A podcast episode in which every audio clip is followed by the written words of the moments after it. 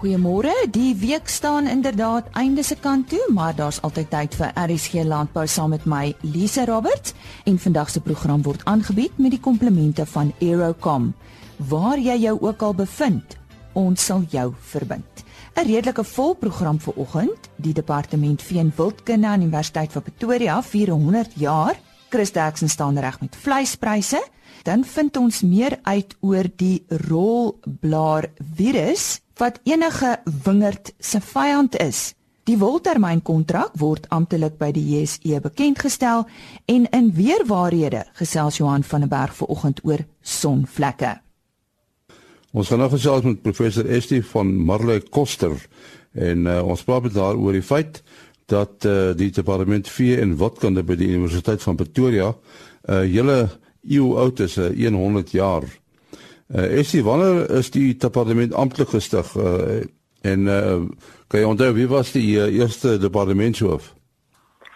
Ja, dit is eintlik baie interessant want in 1917 in Januarie is daar offisieel erkenning gegee aan 'n landboufakulteit by UP. En op daardie stadium was dit die departement veeteelt, plantsiektewetenskappe en grondkunde. So eintlik effektief vier ons 100 jaar van landbou aan die Universiteit van Pretoria die jaar. Uh vier deel op daai stadium was gelei deur 'n uh, uh, professor A.M. Bosman en hy was ook dan in die van 1919 tot 1933 die eerste dekaan van die fakulteit gewees.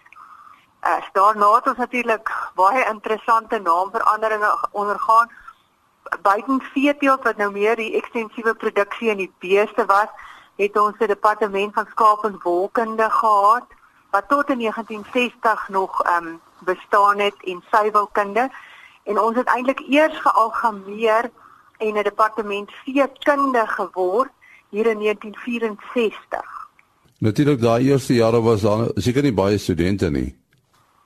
Nee, ehm um, interessant uh die eerste amptelike statistiek wat ons het in 1931 was al volle twee studente wat afgestudeer het.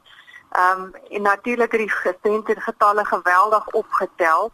Uh, ons sit nou met finale jaar klasse wat uh, tot 50 studente het. So dae getalle het gegroei, demografie het verander.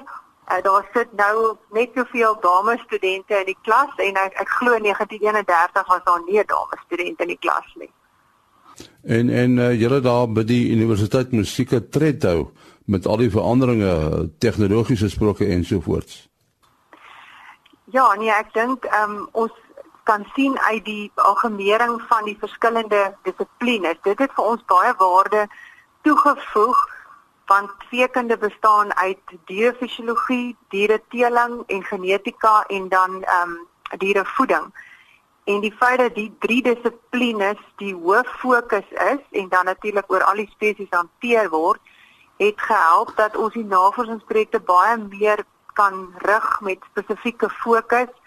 As ons dink aan die tegnologie uitbreiding in terme van die genomiese ontwikkeling waar ons nou weer werk, um, in die in die voedingsbedryf, die die uh, voerbyvoegmiddels So daar's geweldige ontwikkeling en mense sien dit natuurlik saamloop met um, uh, ook die rekenaar ontwikkelings wat dit vir ons moontlik maak om groter datastelle te kan hanteer.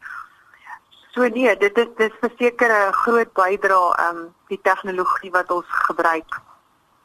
En as jy net so terugkyk, uh, wat sou jy sê is die grootste die grootste mylpaale wat jy bereik het? Wel, ek moet sê baie van dit natuurlik voor my tyd gebeur, maar as ek nou kyk op die geskiedenis wat ons voor ons het, ehm um, sekerlik die bydraes wat gemaak is vanaf hierdie departement tot die ontwikkeling van die Bonsmara ras wat ons natuurlik nou nog baie navorsing mee doen en baie nou mee saamwerk. En ek dink ook die karkas uh, gradering wat nou nog gebruik word is gedoen deur ehm um, alumni wat uit hierdie departement gekom het. En die die feit dat ons baie ehm um, navorsing doen op intensiewe produksiestelsels, maar met 'n fokus op uh, onder selfonderhoubaarheid. So ek dink dit is van die mylpale wat definitief 'n uh, uh, uh, uh, impak gehad het en 'n bydrae gemaak het tot die breër um, bedryf daar buite. Ja, dit is interessant dat die uh dat die departement of die fakulteit landbou ook sy eie proefplaas op die kampus het. Ja, dis 'n groot voorreg um, om die proefplaas hier naby ons ook te hê en op ons proefplaas het ons nog 'n um, volledige melkery met 'n outomatiese melkstelsel. Ons het goeie data ook op ons eie kudde. Ons is bevoorreg om braaikuikens proeffasiliteite op ons plaas te hê as ook 'n 'n volledige kleinvee seksie met 'n met skape en melkbokke op hierdie stadium. As jy nou so 'n bietjie in die kristalbal kyk vorentoe, uh hoe gaan die departement lyk sê jy oor 50 jaar? Wel, ek glo ons gaan nog steeds veekunde wees. Ehm um, die ons het ook 'n natuurlike nagraadse skool ehm um, wildkunde wat saam met ons loop. En met al die ontwikkeling dink ek dat um, ons wel vee en wildkunde gaan bly. Ek dink ons navorsing gaan ehm um, meer gerig wees op ehm um, produk verhoging van produktiwiteit en en effektiwiteit en ook ehm um, alternatiewe uh voere om te ge, om te gebruik in terme van die um, omgewingsvriendelike diere. En natuurlik in terme van die op die genomiese gebied dink ek gaan ons al hoe meer beweeg om genomika te gebruik ehm um, ten einde sekere spesifieke probleme op te los, veral die eienskappe wat moeilik is om te meet of kyk na vrugbaarheid. Ehm um, en ek dink daardie tipe van eienskappe wat juis die uitdaging is vir die vir die teelers en vir die produsente om produksie te verhoog sal teen teen deur die genomika aangespreek word. Nou, ons hartlike dank aan professor ST van Marle Koster van die Universiteit van Pretoria. Baie dankie Henny en dis nou tyd vir ons nuutste vleispryse deurgegee deur Chris Derksen en dit is die pryse wat behaal is by veilinge in die Noord-Vrystaat en die datum van hierdie veilinge was Dinsdag 13 Junie. Chris Man, die lekker nuus is aan trend elke prys is 'n nuwe rekord en die mark is baie sterk en lyk my nog steeds aan die styg. Ek gee vir julle presiese pryse, speenkalvers onder 200 kg R33.03 per kilogram lewendig. Van 200 tot 250 kg R34.94 per kilogram. En oor 250 kg R31 presies. A klasse R26.75 per kilo, B klas R22.13, C klasse vetkoeie R21.65 en maartkoeie het gewissel van R16.50 tot 18.25 afhangend van die kwaliteit. Slagbulle R24.20 en van die skaapmark stoorlam die baie mooi prys van R38.55. Slaglam R31.51. Stoorskape R25 presies en vetoeye R24.75 per vent. 75 sent per kilogram lewendig. En indien ek van enige hulp kan wees, skakel maar enige tyd na 0828 75961. Baie dankie. Baie dankie aan Chris Derksen. Die Suid-Afrikaanse wynbedryf het groot vordering gemaak om die verspreiding van rolblaarvirus te bekamp danksy gefokusde navorsing, toetsterreine en 'n geformaliseerde rolblaarbeheer protokol. Om meer daaroor te gesels vanoggend, die streeks wingerdbou kundige in Stellenbosch vir Winpro, Konrad Skutte. Hy verduidelik eers wat is die rolblaar virus. Goeiemôre Elise. Ehm um, ons ons weet nie regtig waar hierdie siekte ontstaan het of presies hoe lank dit in ons industrie voorkom nie, maar daar's aanduidings dat dit al vir etlike dekades in die industrie voorkom. So wingerdstokke wat besmet is met hierdie rolblad virus het baie kenmerkende simptome aan die rooi dryf kultivars kry hulle 'n donker pers rooi kleur op die blare terwyl die are groen bly. Ehm um, en mettertyd sal die blare se punte dan ook omruil, omkrul. Dit is hoekom dit dan 'n rolblad uh, virus genoem word. Aan die witdryf kultivars sal die blare ook omkrul, maar dit is klein bietjie moeiliker om uit te ken aangesien daai blare nie die kenmerkende rooi kleur sal kry nie. So dit is nogals maklik om hierdie siekte te verwar met ander simptome soos byvoorbeeld kaliumtekorte wat se blare ook dan nou rooi sal verkleur en ons beveel aan dat eksperts hierdie ehm um, siekte uitken en indien die produsente onseker is, kan hulle ook 'n petiole monster instuur na 'n laboratorium uh wat dan die siekte sal identifiseer. Konrad sê vir my watse bedreiging hou dit vir die produsent in? Lisa, as hierdie wingerdstokke eers geïnfekteer word met die virus, dan kan dit ongelukkig nie gesond gemaak word nie. So daardie spesifieke geïnfekteerde wingerdstok moet dan nou verwyder word. So die gevaar is dat die lewensduur van die wingerd dan nou nie so lank sou gewees het soos 'n gesonde wingerd nie. Ehm um, indien hierdie stokke dan nou nie verwyder word, jy sien ons dan ook tipies 'n afname in produksie van die stokke. Die druiwe sukkel ook dan nou om kleur te kry en die toename van suiker is baie stadiger in hierdie geïnfekteerde uh, stokke. So dit sal dan ook heel moontlik tot 'n swakker wynkwaliteit lei en meer insette in die wingerdkant. Nou die nuuswaardige sy van van hierdie onderhoud is dat ons voorloop in rolblaar virus bestuur. Uh waarna verwys julle hier en is daar ander lande wat nou ook hierdie protokol gebruik? Ja, Lisa, ons uh, Suid-Afrikaanse industrie doen nou al die afgelope 17 jaar uh, navorsing op hierdie virus en ons het ongeveer 20 miljoen rand spandeer om hierdie siekte beter te verstaan en beter te leer ken. So uit hierdie navorsing het ons 'n reg Suid-Afrikaanse protokol uitgewerk om hierdie virus te bestuur en daar is dan ook baie goeie voorbeelde van wynprodusente in ons eie industrie wat hierdie protokol met groot sukses bestuur. Ehm um, Nieu-Seeland se wynbedryf het van hierdie protokol te hore gekom en hulle die Suid-Afrikaanse industrie genader om hulle te help om die protokol te implementeer. So daar is 'n area genaamd Hawke's Bay in die Noord-eiland en die wynproduserende streek is uh Gimlet Gravels waar hulle ons Suid-Afrikaanse protokol toepas en met groot sukses implementeer waar hulle die hele streek se virus binne ongeveer 5 tot 6 jaar tot baie lae infeksie uh vlakke bestuur het en baie goeie wynkwaliteit van hierdie wingerde kan kry. Nou wat my nou nogal geïnteresseer het was waar die navorsing gedoen word. Ek sou nou dink daar by julle.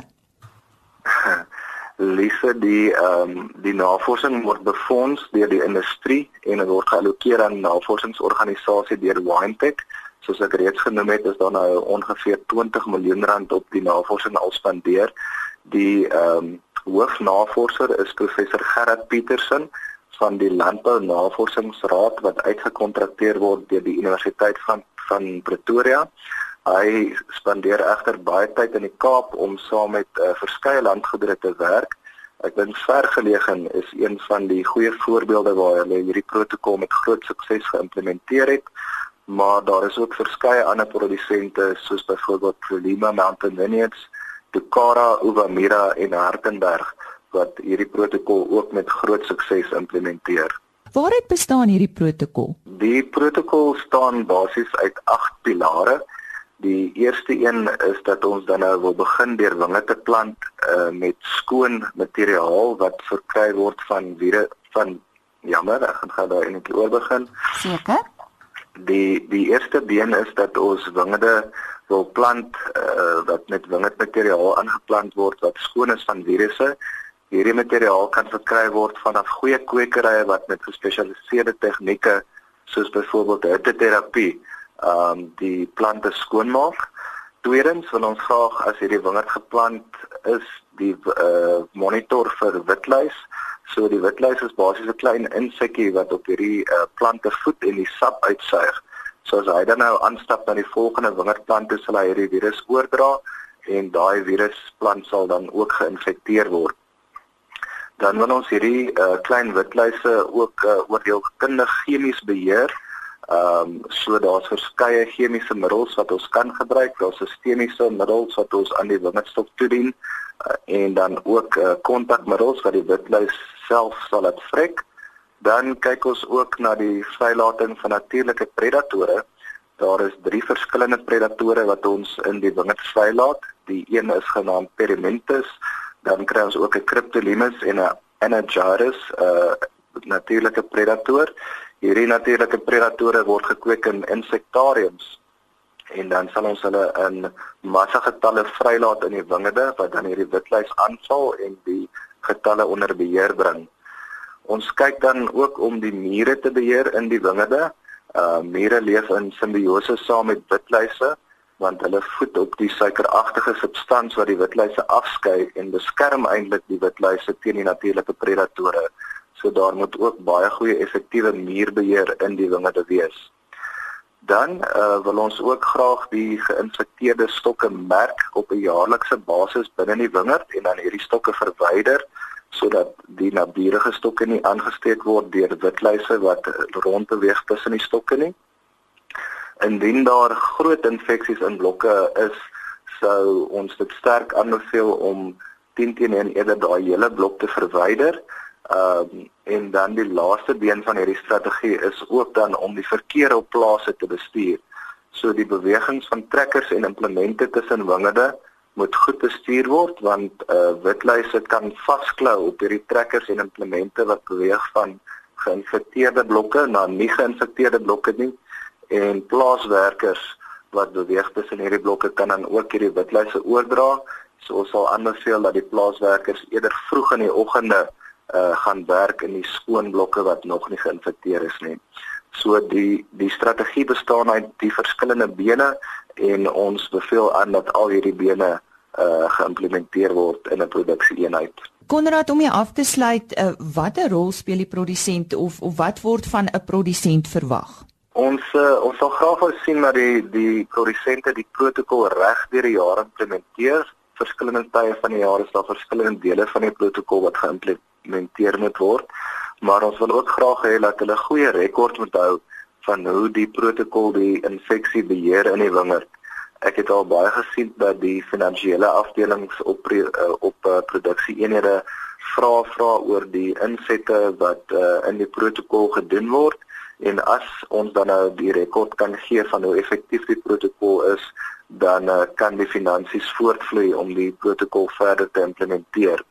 Ek dink ook uh, produsente moet besef dat hulle nie dit op hulle eie op hulle eie produk, produksie eenhede kan implementeer nie, maar dat hulle saam moet werk met hulle bure en ander produsente in die streek om die protokol met groot sukses te implementeer. Ehm um, daar is verskeie streke wat reeds die protokol op 'n uh, groter basis implementeer en ek dink daar's goeie voorbeelde in die Hemel en Aarde Vallei uh, net buite Hermanus sowel as die Helderberg net buite Stellenbosch wat nou begin om hierdie protokol te implementeer. Ek het daar gesels met Konrad Skutte. Hy is vir Windbrou die streeks wingerdboukundige in die Stellenbosch omgewing. Die JSE het op Maandag 5 Junie hulle woltermynkontrak bekend gestel. Die voorsitter van die Nasionale Wolkwekersvereniging, Gilo De Tooy, gee sy indrukke. Goeiedag. Uh dankie vir die geleentheid. Dit is baie moeilik vir my om op hierdie stadium baie kommentaar te lewer op die gebeure vandag hier waar die wol op JSE kom. Ehm um, gegeewe dat ek nie regtig ehm um, die die kennis het um, rondom die JSE en rondom die gebeure nie. Maar as 'n boer kan ek 'n bietjie kommentaar lewer en en dis miskien uit daai oogpunt uit wat ek wil doen. Ek was deel van die Cape Bulls direksie wat die besluit geneem het en al wat ek kan sê dit is baie goed gedebatteer die die uh, voordele en die nadele.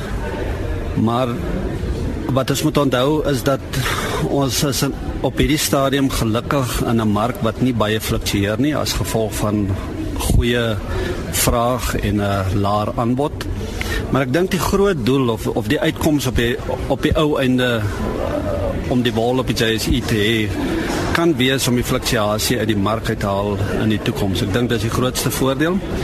Die ander een is ook om wol meer bekend te maak in die wêreld vir alle rolspelers. Ons is bekend met wol in die boerderygemeenskap en die wolketting, maar ek dink op hierdie stadium word wol so blootgestel dat baie meer kennis en ondervinding gaan kry rondom die verhandelings. Die verhandelingsproses, ek weet daar's 'n uh, eh, geweldig vrae daar rondom. Een van die vrae is of ehm um, prysvorming kan plaasvind. Na ons mening kan dit nie regtig plaasvind nie. Die prys van wol word op Australiese veiling ehm um, bepaal eintlik en ons het nog steeds elke week ons wolveilings so rondom omdat die vraag goed is dink ek daar is nie kans vir prysvorming. Ek dink nie die produsente hoef bang te wees daarvoor nie. Dan gaan jy produsente kry wat uh, redelik uh, goed bekend is met verhandelings op die JSE en van veral die groter produsente dink ek gaan gebruik maak hiervan. So jy gaan 'n laer prys kan verskans in die toekoms en uh, dan miskien 'n prys vasmaak. Ehm um, Maar ek dink oor tyd sal sal hierdie hele proses homself uitspeel en ek is opgewonde, versigtig optimisties, maar opgewonde dat ons die regte ding gedoen het en dat dit op die ou einde tot voordeel van die bedryf kan wees. Die voorsitter van die Nasionale Wolkwekersvereniging, Gilou De Tooy. Weer waarhede saam met Johan van der Berg.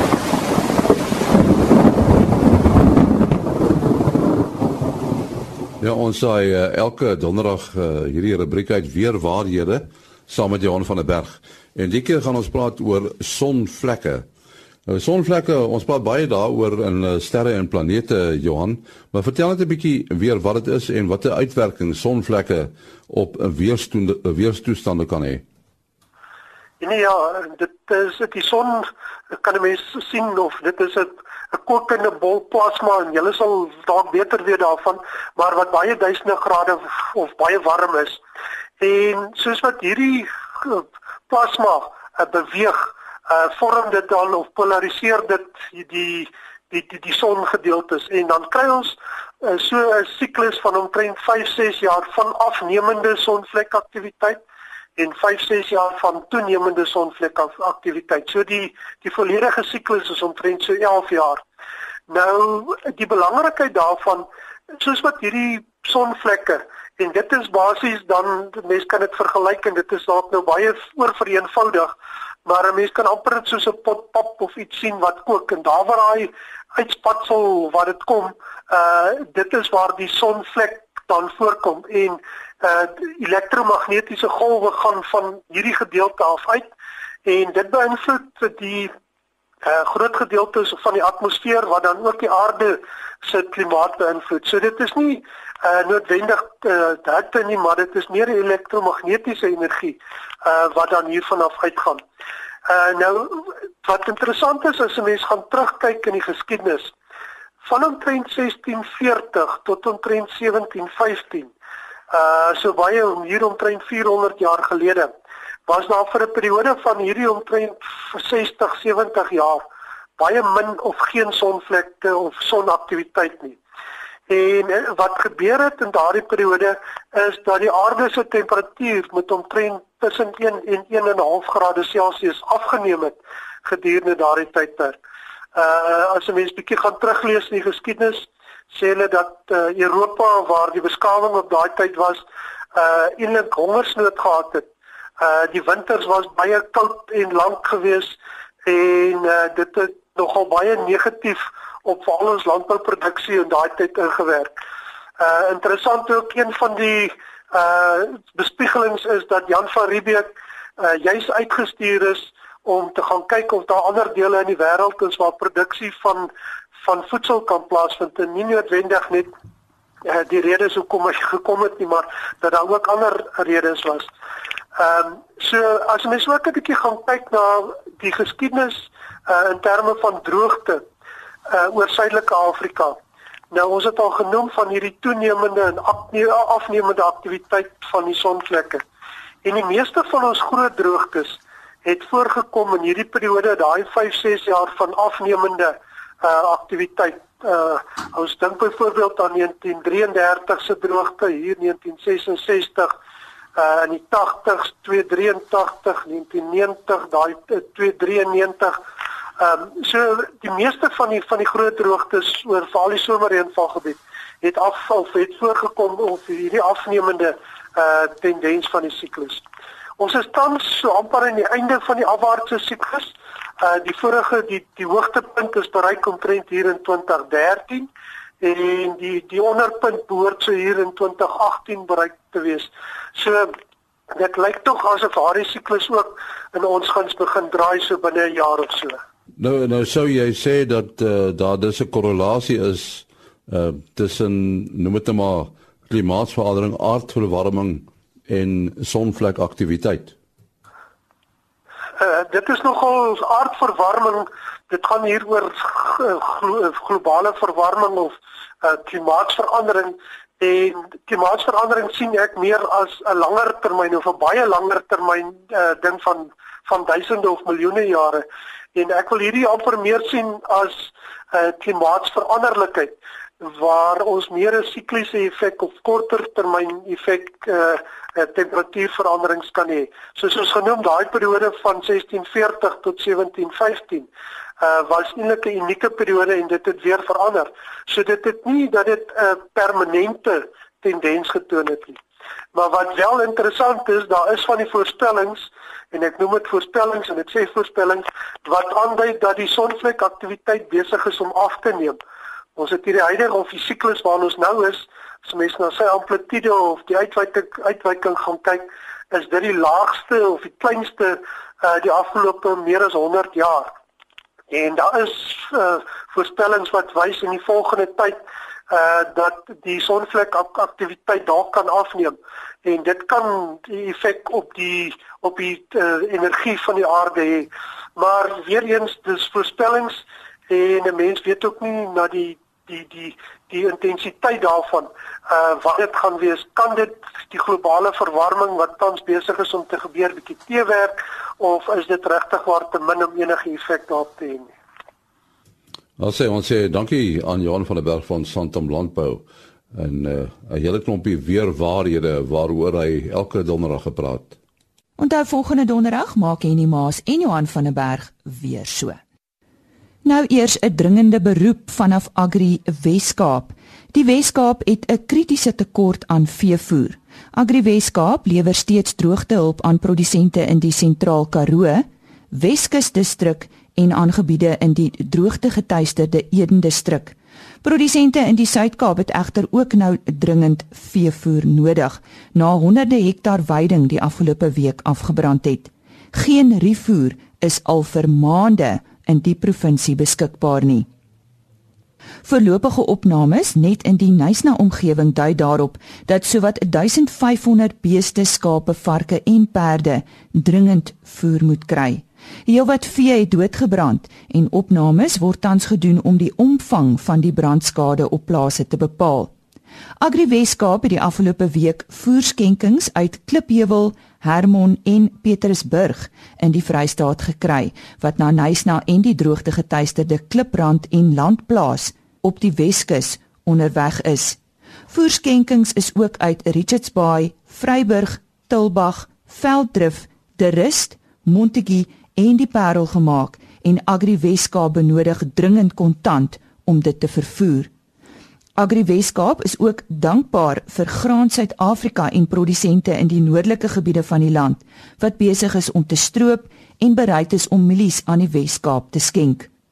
Agri Weskaap versoek dat enige onderneming of individu wat kontant bydraes tot die AWK droogtehulpfonds wil maak, die kantoor by die volgende nommer skakel: 0800 Agri Weskaap lewer reeds sedert November 2015 droogtehulp aan produsente.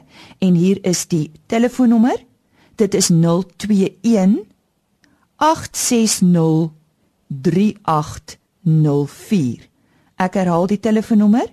Dit is 021 860 3804.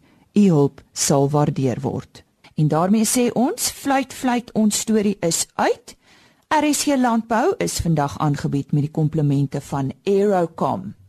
Waar jy jou ook al bevind, ons sal jou verbind. Mag jy 'n wonderlike naweek beleef en ons vertrou dat daar nog reën sal val in die Wes-Kaap. Totsiens. RSC Landbou is 'n produksie van Blast Publishing. Produksieregisseur Henny Maas. Aanbieding Lisa Roberts en inhoudskoördineerder Jolande Rooi.